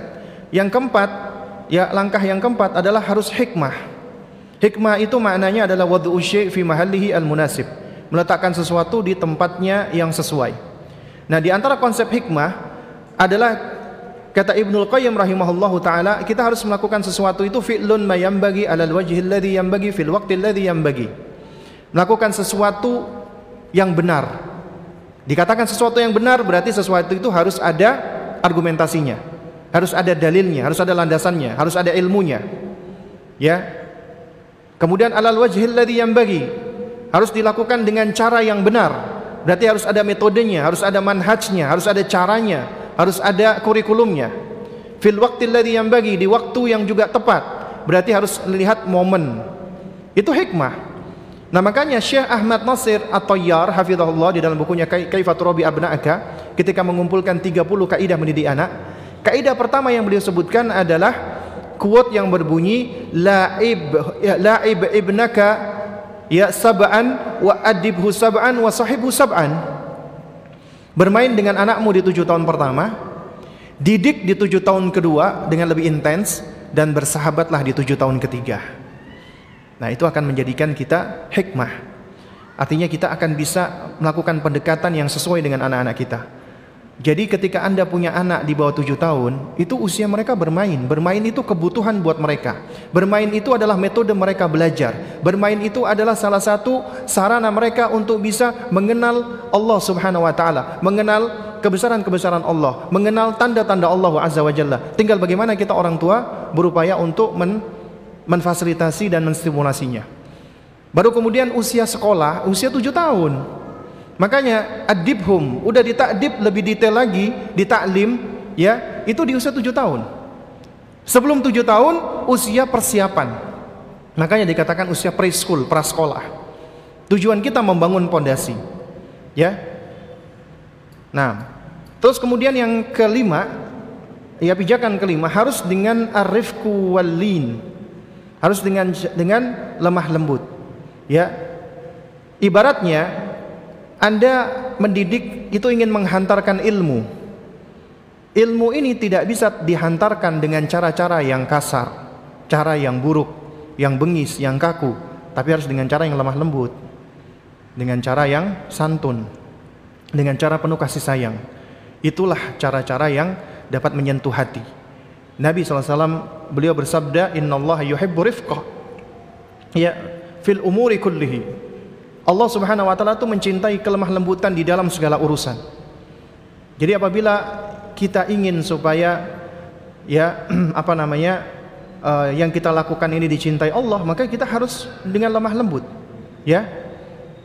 Juga Nabi mengatakan ya ma kana rifqu fi syai'in illa zanahu. Ya. Jadi tidaklah kelemah lembutan itu ada pada sesuatu melainkan akan menghiasinya ya walakan al-fuhsyu fi syai'in qattu illa syanahu. Dan tidaklah suatu keburukan atau suatu uh, sifat-sifat uh, buruk ya ada pada sesuatu kecuali akan menjelekkannya. Ya. Nah oleh karena itu kita perhatikan nih bagaimana metodenya Rasulullah dengan sapaan-sapaan yang baik. Ya gulam inni uallimuka kalimat. Ya gulayim inni muallimuka kalimatin. Ya fahfad huna ya. Atau misalnya dipanggil dengan kunyah ya Aba Umair ma fa'ala Nughair ya Umma Khalid hada sana sana. Atau ditasgir namanya ya Unais. Ya nama Anas dipanggil dengan Unais jadi ditasgir namanya. Ini semua adalah uslub tahbib wa targhib uslub untuk menumbuhkan anak itu menjadi senang cinta dan termotivasi. Ya. Nah. Kemudian yang keenam adalah ya tidak istijal, tidak tergesa-gesa dan tadarruj step by step dan tidak instan. Semuanya tidak dilakukan dengan cara mendadak. Mendidik itu tidak mendadak. Kalau mendadak itu ya orang yang jual tahu ya. Tahu goreng, digoreng apa namanya mendadak. Nah, itu baru. Kalau mendidik tidak ada yang instan, ya. Kalau instan itu mie goreng. Ya. Jadi kalau mendidik harus ada prosesnya. Ya, jadi sulit-sulit di dalamnya, kesusahan-kesusahan dan lelah-lelah di dalamnya itu bagian dari pendidikan yang akan diganjar oleh Allah Subhanahu wa taala. Itu bagian dari ibadah. Artinya, ibadah terpanjang bagi manusia itu sebenarnya mendidik anaknya. Ya, karena Anda sedang berdakwah, mendakwahi dia, mengajak dia ke jalan Allah. Sementara Allah mengatakan waman ahsana qawlan mimman da'a Allah. Siapa yang lebih baik perkataannya daripada mereka yang mengajak ke jalan Allah. Kemudian yang ketujuh ya adalah menjadikan mereka mencintai Allah terlebih dahulu ya sebelum mereka apa namanya mencintai selainnya. Dan juga hendaknya kita ketika mendidik anak-anak kita adalah mendahului dengan mengajarkan iman dulu sebelum mengajarkan Al-Quran. Itu metodenya para salaf, metodenya para sahabat. Jundub bin Abdullah Al-Bajali radhiyallahu taala anhu, beliau pernah mengatakan, "Kunna ghilmanan hazawiratan ma'ar rasuli." Kami dahulu adalah anak-anak kecil yang hazawir, ya. Hazawar itu usia 10 tahun ke atas. Kami bersama dengan Nabi, ya. Kemudian, ya, ta'allamna al-iman qabla al-Quran. Kami mempelajari iman sebelum kami mempelajari Al-Quran ya. Thumma ta'allamna al-Qur'an fasdatna bihi iman. Baru kemudian kami mempelajari Al-Qur'an sehingga bertambahlah keimanan kami. Kemudian Jundub menyampaikan kepada murid-muridnya wa innakum al-an ya ta'allamun al-Qur'an qabla al-iman. Adapun kalian sekarang malah lebih mendahulukan mempelajari Quran sebelum mempelajari iman ya demikian pula dikatakan oleh Abdullah bin Umar radhiyallahu taala anhu laqad ishna burhatan min dahrina. Kita dulu hidup sesaat dari masa kami. Wa ahaduna yu'tal iman qabla al-Qur'an dan salah seorang dari kami dikaruniai iman sebelum Al-Qur'an. Wa tanazzala as-surah ala Muhammad fayata'allama halalaha wa haramaha. Lalu turun surat-surat Al-Qur'an kepada Nabi dan beliau ajarkan halal dan haramnya. Wa amiraha wa zajiraha apa yang diperintah dan apa yang dilarangnya wa ma yanbaghi an yaqifa indahu minha dan apa-apa yang sudah sepatutnya ya seseorang berhenti ya atau abstain ya darinya.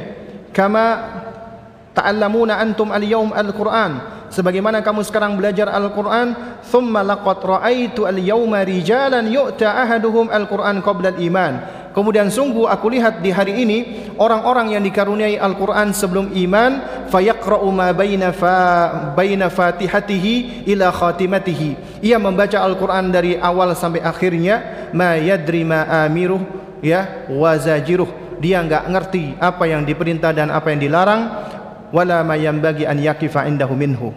Ya. Nah, jadi dia dia enggak ngerti Al-Qur'an itu tidak ter, terrefleksikan di dalam dirinya. Kenapa? Karena tidak didahului dengan iman. Dan alangkah cerdasnya ibunda Aisyah radhiyallahu taala anha. Ya, di dalam uh, riwayat yang muttafaqun alaihi, ya, beliau mengatakan inna manazala awwala manazala minhu suratun minal mufassal. Sesungguhnya yang turun pertama kali dari Al-Qur'an adalah surat-surat Al-Mufassal, artinya surat-surat pendek. Fiha dzikrul jannati wan nar.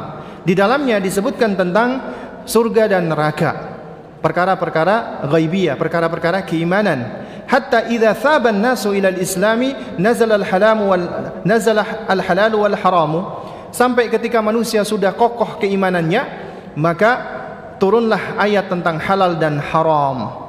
Kemudian kata beliau, walau nazala awwal syai'in la tashrabul khamra laqalu la nada'ul khamra abadan walau nazala la taznu laqalu la nada'uz zina abadan ya sekiranya ayat yang pertama kali turun adalah janganlah kalian minum khamr maka niscaya mereka akan membantah mengatakan kami tidak akan meninggalkan khamr selamanya. Ya dan sekiranya apabila ayat yang yang turun pertama kali adalah janganlah kamu berzina maka mereka akan mengatakan kami tidak akan meninggalkan zina untuk selama-lamanya. Ya makanya Al-Qur'an turun yang difokuskan pertama kali adalah akidah dan iman.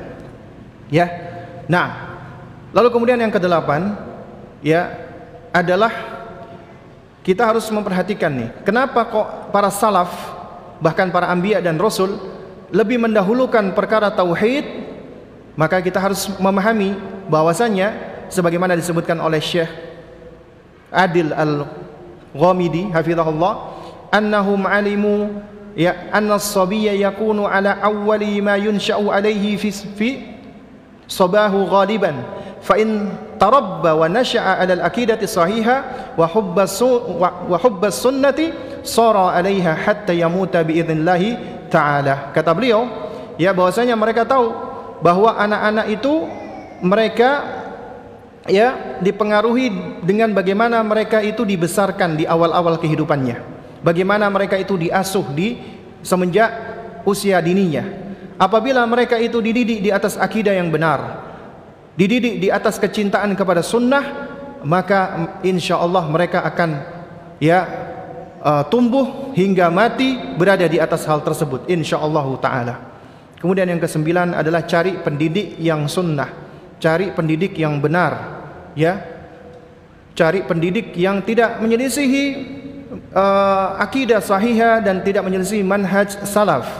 Sebagaimana nasihat seorang ulama bernama Abu Ishaq Al-Jibyani ya rahimahullah yang mengatakan la tuallimu auladakum illa 'inda ar-rajuli al-hasan ad-din fadinus sabi ala dini muallimih. Janganlah kalian ya mengajarkan anak-anak kalian kecuali di sisi orang-orang yang memiliki agama yang baik karena agama anak itu tergantung dengan agama gurunya kemudian yang menarik ya Abu Ishaq al-Jibyani beliau bercerita tentang ada seseorang yang menyembunyikan akidah khalqul Quran yaitu akidah bid'ah mengatakan Al-Quran itu makhluk kemudian setelah terbongkar tentang keadaannya dan dia ditangkap dia ditahan dihukum dan di stop dari belajar Lalu murid-muridnya dihadapkan di hadapan orang tersebut. Kemudian murid-muridnya itu diuji di tes, ya. Ma takuluna fil Quran? Apa yang kalian ucapkan ya terhadap Al-Qur'an? Ya. Lalu kemudian murid-muridnya mengatakan ma'il malana, kami enggak punya ilmu. Kemudian gurunya tadi itu mengancam murid-muridnya. Ya, dengan mengatakan kul huwa makhluk, katakanlah Al-Qur'an itu makhluk. Kemudian diceritakan oleh Abu Ishaq Al-Jibyani ya lan tazal ala hadzal qul ya eh afwan orang itu mengatakan la tazalu ala hadzal qaul walau kutiltum hendaknya kamu berpendapat tentang Quran itu makhluk meskipun kamu dibunuh. Ya. Kemudian Abu Abu Ishaq mengatakan balagoni an ya anhum annahum matu kulluhum ya'takiduna ala hadzal qaul. Ya sampai berita kepadaku bahasanya mereka semua meninggal dunia dan mereka meyakini tentang uh, pendapat yang bid'ah ini, keyakinan yang menyimpang ini Al-Qur'an makhluk. Terus kemudian di sisi lain beliau menceritakan ada seorang murabbi muallim yang luar biasa. Beliau mengatakan, "Balaghani an muallimin afif wa huwa hawwala al-Ka'bah yad'ullah." Sampai kepadaku berita tentang seorang pendidik yang luar biasa dia sedang tawaf di Ka'bah kemudian dia mengucapkan doa Allahumma ay Allahumma ayyama ghulamin allamtuhu faj'alhu min ibadikas salihin ya Allah siapa saja dari anak-anak yang pernah aku ajari di mereka maka jadikanlah mereka itu termasuk hamba-hambamu yang saleh fabalaghani annahu kharaja ala yadayhi nahwa 70 aliman salihan kemudian sampai berita apa kepadaku ya keluar dari uh, murid-murid uh, orang tersebut ada 70 orang yang alim lagi saleh. Kemudian beliau mengatakan, "Fama abada ma baina rajulaini." Sungguh alangkah jauhnya antara dua orang guru ini. Yang satunya guru yang sesat, yang satunya guru yang berada di atas as-sunnah. Kemudian yang terakhir ya adalah ikhtiar, doa dan tawakal. Dan pendidikan itu bukanlah paksaan. Hidayah tidak bisa dipaksa.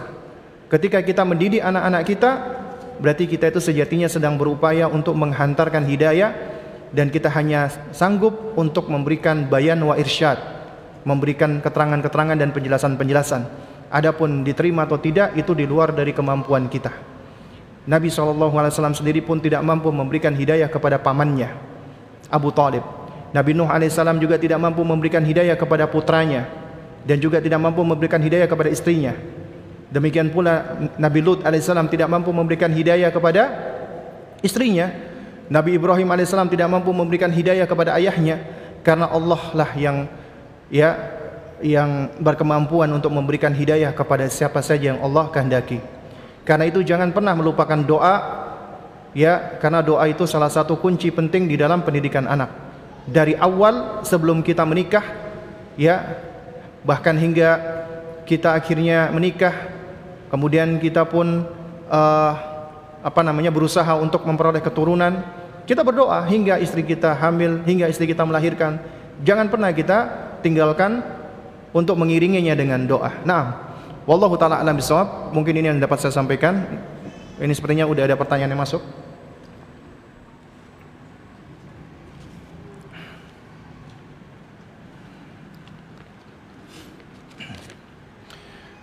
Ustaz bisa jelaskan dan apa saja atau ada berapa saja contoh fitrah manusia?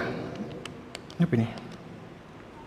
misal suka menolong, wanita suka berhias dan dan sebagainya. Nah, kalau kita lihat secara asal makna fitrah ya secara bahasa itu adalah tabiat yang bersih dari keburukan, kejelekan, dari aib, dari nukson dan seterusnya. Adapun yang dimaksud di dalam Al-Qur'an ya ketika disebutkan fitratallahi allati fatarana 'alaiha ataupun di dalam hadis Nabi sallallahu alaihi wasallam ketika menyebutkan fitrah, maka yang dimaksud itu adalah Islam, iman, tauhid. Ya. Adapun pembagian fitrah sebagaimana yang dilakukan oleh sebagian uh, apa namanya? teman-teman praktisi pendidikan dikatakan ada fitrah belajar, ada fitrah apalagi nih? Ada fitrah saya lupa ya. Itu kalau nggak salah ada disebutkan beberapa macam fitrah ya.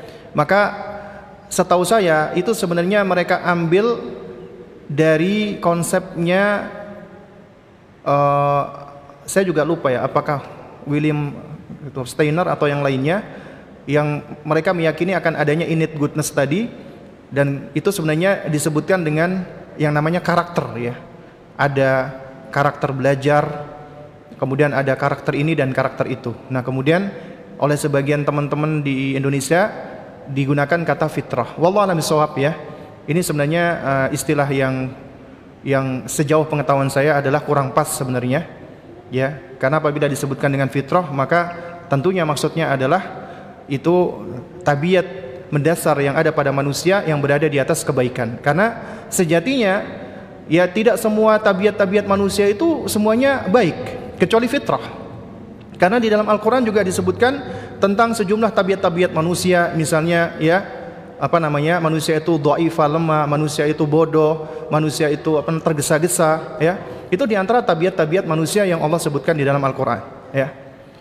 Artinya tidak semua tabiat manusia itu baik kecuali fitrah. Fitrah itu tabiat yang selamat, tabiat yang Allah sudah Allah Subhanahu wa taala sudah sudah tanamkan kepada makhluknya. Nah, kalau ditanya apakah ada fitrah-fitrah seperti wanita suka berhias, itu tabiat wanita. Ya. Memang Allah ciptakan wanita itu ya secara tabiat memang suka berhias, ya, senang memperindah dirinya. Nah, memang kadang-kadang kata tabiat ini digunakan kata fitrah. Artinya, kalau memang penggunaan kata fitrah ini yang dimaksud adalah uh, hanya untuk menunjukkan makna seperti itu ya, tabiat ya, maka ini sebenarnya suatu hal yang tidak mengapa. Tapi kalau digunakan secara mutlak ya, artinya uh, penggunaan kata fitrah, maka yang sebenarnya dimaksud itu adalah iman, Islam dan tauhid. Ya. Nah, wallahu alam Ustaz mohon nasihatnya, saya seorang istri yang dipoligami. Poligami yang tidak adil atau belum adil. Waduh, ini berat ini. Terkadang kondisi ini membuat saya tidak sabar di dalam mendidik anak-anak. Kadang tidak stabil. Bagaimana saya bisa menghasilkan anak-anak yang baik, penghafal Quran, hadis, berakhlak mulia, berakidah baik? Jazakallah khairan Ustaz. Nah, yang perlu kita pahami ya jemaah sekalian, Anda di poligami atau tidak di poligami, tetap pasangan Anda adalah ujian buat Anda. Ya. Pasangan kita ujian. Kadang-kadang kita diuji dengan suami yang ya kurang baik atau suami yang kasar, suami yang temperamen, dan masing-masing dari diri kita itu punya ujian sendiri-sendiri. Berbeda-beda.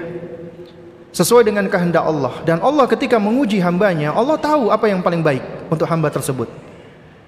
Karena itu tidak sepatutnya kita membanding-bandingkan ujian kita dengan ujian orang lain. Kecuali kita membandingkan dengan ujian orang yang lebih susah agar kita senantiasa bisa memupuk rasa syukur kita. Kita melihat orang yang lebih susah dibandingkan kita, bukan melihat orang yang lebih baik dibandingkan kita. Ya. Masing-masing kita punya ujian sendiri-sendiri. Dan di balik ujian itu mengandung banyak sekali faidah dan manfaat sesuai dengan keadilan Allah. Allah ketika menguji Anda dengan suami yang tidak adil, ya, maka ketahuilah yang pertama, ketika Allah menguji hambanya itu artinya Allah mencintai hamba tersebut sebagaimana sabda Nabi yang mulia alaihi salatu wassalam innallaha idza ahabba qauman ibtalahum Sesungguhnya Allah apabila menguji suatu kaum, Allah mencintai kaum tersebut. Makanya jangan heran ujian yang terbesar, paling berat itu dialami oleh siapa? para nabi dan rasul. Kita mah ujiannya nggak ada apa-apanya. Para nabi dan rasul itu ujiannya paling berat. Semakin berat ujian, semakin besar pahalanya apabila bersabar. Ada orang mengeluh ya tentang dirinya adalah seorang anak yatim piatu. Nabi yang mulia alaihissalam juga anak yatim dan berikutnya menjadi yatim piatu. Ada yang mengeluhkan bahwasanya dirinya ya uh, anak-anaknya meninggal dunia ketika masih kecil. Nabi SAW semua anak laki-lakinya meninggal dunia ketika masih bayi, ketika masih kecil. Ya. Lalu kemudian ada yang mengeluhkan hidupnya susah. Nabi SAW itu lebih susah lagi beliau sampai lapar berhari-hari sampai-sampai beliau mengikat batu kerikil di perutnya untuk menahan lapar. Sesusah-susahnya kita ya jamaah itu masih enteng dibandingkan dengan susahnya para nabi dan rasul. Ya. Juga bagaimana susahnya para sahabat-sahabat wanita dahulu. Nah, karena itu hendaknya kita mengambil pelajaran dari mereka. Kemudian yang ketiga, Ketika Allah menguji kita, maka sejatinya di balik ujian itu apabila kita sabar, itu bisa menjadi kafarah, bisa menggugurkan dosa-dosa kita. Dan juga itu sebagai pengingat agar kita selalu kembali kepada Allah.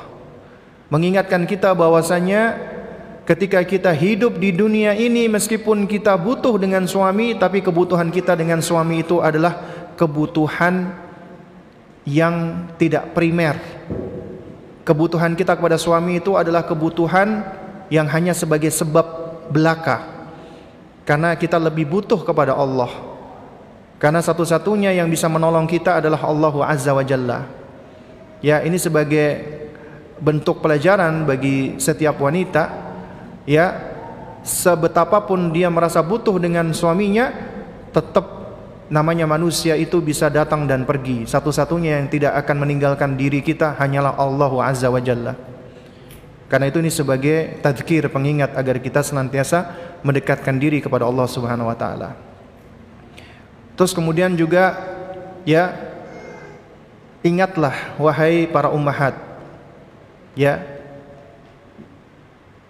Ketika Nabi SAW menerangkan tentang sifat-sifat wanita yang Allah Azza wa Jalla berikan surga bisa masuk dari pintu mana saja yang dia kehendaki Nabi mengatakan ada Nabi SAW mengatakan apa?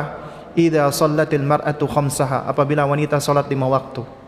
Wa shamat syahraha dan berpuasa di, di bulan Ramadan. Ya wa hafizat farjaha dan menjaga kemaluannya atau menjaga kesuciannya. Ya. Wa ata'at ba'laha dan menaati suaminya. Maka di hari kiamat nanti akan dikatakan kepadanya udkhuli min abwabi jannati ma masuklah engkau dari pintu surga mana saja yang engkau inginkan. Wanita itu masuk surga sebenarnya enggak sulit ya jamaah. Salat lima waktu berpuasa Ramadan jaga kesuciannya dan taati suami Ustadz suami saya itu orangnya kasar Orangnya zolim Orangnya berbuat ini dan berbuat itu Oke okay. Suami yang zolim Ujian buat kita Ujian buat istri Tapi ketahui ya jamaah Ketika seorang mukminah Manakala dia diuji Dengan suami yang buruk Suami yang jelek tapi dia lebih mengedepankan perintah Allah dan Rasulnya. Rasulullah memerintahkan untuk menaati suami di dalam perkara yang ma'ruf atau perkara yang mubah. Dia tetap taat kepada suaminya. Seburuk-buruknya suami, maka Allah nggak akan sia-siakan. Allah akan tolong insya Allah. Ya, karena dia lebih mengedepankan perintah Rasulullah daripada emosinya, daripada perasaannya. Karena ketika wanita menaati suami, melayani suami, lantaran karena melihat sejauh mana suami berbuat baik dengan dirinya, berarti sejatinya dia belum begitu ikhlas. Padahal menaati suami bagian dari ibadah. Asalkan itu di dalam perkara-perkara yang ma'ruf atau yang minimal mubah lah. Karena ketika Anda misalnya ya, Anda ingin melayani suami, kemudian Anda punya pandangan, hm, ngapain aku ngelayanin suami? Orang dia juga begitu, pulang malam-malam, nggak baik sama aku, kemudian dia kasar. Ngapain aku berbuat baik dengan dirinya? Ini memang manusiawi. Tapi manusiawi bukan artinya ya benar. Apa maksudnya perbuatan yang dibenarkan, ya. Nah, ketika ada wanita dia tetap berbuat baik kepada suaminya, meskipun suaminya buruk, meskipun suaminya jelek, maka tentunya pahalanya lebih besar daripada wanita yang suaminya baik. Ada wanita ini suaminya baik, pengertian, kemudian dia berbuat baik dengan suaminya, dia dapat pahala. Tapi pahalanya wanita yang suaminya buruk, suaminya nggak baik, tapi dia tetap berbaik dengan suaminya, dia dapat pahala double. Pahala apa? Pahala dia tetap taat kepada suami dan pahala dia ya membalas keburukan dengan kebaikan. Idfa billati hiya ahsan. Ya. Nah, karena itu nasihat saya adalah bersabar karena ketika Anda belajar, Anda ngaji, itu tanda kebaikan dari Allah. Allah berikan hidayah kepada Anda. Sehingga Anda insya Allah berbeda dengan wanita-wanita lainnya. Ketika wanita-wanita lainnya diperlakukan buruk oleh suaminya, maka mereka nggak mau lagi taat kepada suaminya. Ya, tapi Anda karena belajar ngaji Anda lebih mendahulukan perintah Allah karena Anda sadar hidup di dunia ini cuma sementara. Dan sejatinya kita nggak begitu butuh dengan suami kita karena kita lebih butuh kepada Allah. Ya. Nah, Allah alam soal. Ustadz, jika kita sudah memaksimalkan pendidikan kepada anak sesuai dengan Al-Quran dan Sunnah, namun keluarga dekat rumah atau keluarga sendiri masih menolak Sunnah, suka nyanyi dan lain-lain, bagaimana Ustadz solusinya? Ya solusinya adalah Ketika kita mendidik anak kita, nggak bisa lepas dari yang namanya keburukan-keburukan. Anda membuat rumah Anda terbebas dari maksiat. Alhamdulillah, itu bagian dari tasfiyah wa tarbiyah. Anda membersihkan dari kemaksiatan, dari keburukan. Tapi kalau udah di luar rumah, udah nggak bisa. Ya. Karena di dalam hidup ini hanya ada dua hal yang yang yang menimpa kita Pertama, sesuatu yang masih berada di dalam kendali kita. Yang kedua, sesuatu yang di luar dari kendali kita. Sesuatu yang masih dalam kendali kita, artinya kita mampu berikhtiar, maka hendaknya kita lakukan. Misalnya kita jauhkan dari keburukan-keburukan yang ada di rumah kita. Kalau udah di luar rumah, itu di, itu di luar kendali kita. Kita nggak bisa bersihkan dari kemaksiatan lah dari ini, nggak bisa. Karenanya pendidikan itu harus dari dua sisi, dari sisi internal dan dari sisi eksternal. Ya. Makanya kalau di dalam konsep pendidikan itu ada namanya adaptasi dan asimilasi. Adaptasi itu artinya ya seseorang berupaya untuk menyesuaikan dirinya dengan lingkungan. Asimilasi sebaliknya, seseorang itu berusaha untuk membentuk lingkungan agar sesuai dengan dirinya. Dan kita nggak bisa lepas dari dua hal ini. Ya, Nah, oleh karena itu apabila kita perhatikan metodenya Luqman alaihissalam, ya, itu sejatinya mengandung pelajaran membangun imunitas anak. Imunitas anak yang berangkat dari iman. Karena ketika Anda hanya fokus kepada eksternal saja, menjauhkan dari keburukan, tapi kita lalai dan abai untuk membangun dirinya, manusianya, maka pendidikan kita akan hancur. Belajar nih dari tembok Cina raksasa. Ya, dahulu orang-orang Cina itu membangun tembok Cina raksasa supaya nggak bisa diterjang, nggak bisa ditembus. Ya, dalam sejarah setelah pembangunan tembok Cina raksasa ternyata beberapa kali Cina itu berhasil diserang dan diserbu dan semuanya tidak ada yang melewatin tembok, nggak ada, nggak ada yang manjat tembok. Lalu bagaimana mereka bisa masuk menyeruak ke dalam? Ternyata di tembok Cina itu ada pintunya, ada penjaganya. Penjaga, penjaganya disogok. Ya, dibayar. Akhirnya mereka bisa masuk. Jadi mereka membangun tembok Cina yang begitu luar biasa tapi mereka lupa membangun manusianya. Percuma. Oleh karena itu makanya ketika kita mendidik anak kita jangan pernah kita abai untuk mendidik dirinya, mendidik manusianya. Kita bisa ambil pelajaran dari metodenya Luqman. Tauhid, ya bunayya la tusyrik billah itu membangun imunitas karena imunitas itu terbangun dari iman yang kuat kemudian muraqabatullah merasa diawasi Allah ya kemudian salat ya ibadah karena sejatinya Pendidikan ibadah itu adalah pendidikan di mana kita butuh untuk beribadah. Karena kita mencintai Allah, kita sayang sama Allah, ibadah itu sarana kita untuk bisa berkomunikasi dengan Allah. Baru kemudian amar ma'ruf nahi mungkar. Nah, itu penting. Amar ma'ruf nahi mungkar. Anak-anak yang diajarkan amar ma'ruf nahi mungkar dari semenjak dininya ya dia akan menjadi pribadi yang tangguh, yang kuat, punya imunitas yang kuat. Ada nih ibu-ibu bertanya, "Ustadz, anak saya Ustadz saya sekolahkan di sekolah sunnah Ustadz. Pulang-pulang ngomongnya ngomong kotor. Bagaimana Ustadz ya? Padahal kita di rumah nggak pernah ngajarin ngomong-ngomong kotor ya. Ya memang kita orang tua masa dong kita ngajarin anak ngomong kotor? Berarti dia di luar akan mendapatkan keburukan-keburukan. Tugas kita membentengi keburukan tersebut. Dan kemudian kita ajarkan supaya anak itu mereka progresif di dalam ya menjauhkan diri mereka dari keburukan di antaranya dengan amar ma'ruf nahi mungkar Ketemu temennya ngomong kotor, bukan cuma diem. Tapi dia berani mengingkari. Eh, kamu ngomongnya nggak baik itu, itu perkataan kotor itu, itu perkataan yang dibenci Allah. Kemudian ajarkan, fasbir ala ma asabak. Sabar dengan apa yang menimpa kamu. Karena ketika dia beramar ma'ruf nahi mungkar, dia pasti akan di di diuji, akan dicemooh lah, apaan sih kamu? Ya, ajarkan dia bersabar. Itu kunci Ketika kita ingin mendidik anak kita agar menjadi pribadi yang tangguh dan kuat, juga tahan banting, tahan bully. Nah, bagaimana mendidik anak yang qadarullah memiliki kebutuhan khusus? Anak berkebutuhan khusus itu adalah karunia dari Allah untuk orang tuanya. Karena semakin Anda mengalami kesulitan di dunia, kemudian Anda bersabar, maka akan semakin besar pahala dari Allah. Semakin besar tabungan Anda di sisi Allah insya Allah. Karena itu tetap didik dia dengan sebaik-baiknya. Didik dia dengan penuh kesabaran. Karena kehidupan kita di dunia ini cuma sebentar.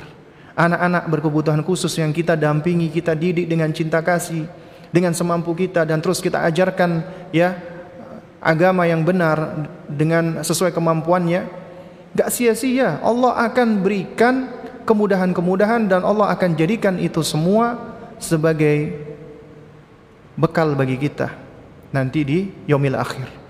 Bisa jadi anak tersebut akan menjadi syafi' yang memberikan syafaat untuk orang tuanya.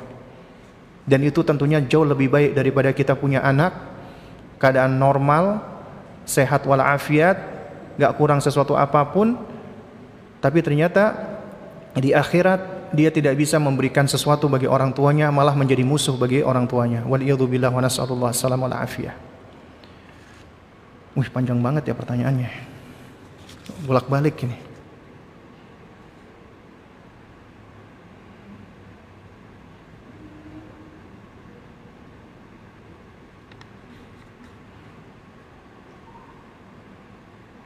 Bagaimana caranya agar selalu bisa bersabar dalam mendidik anak dan bisa menahan emosi?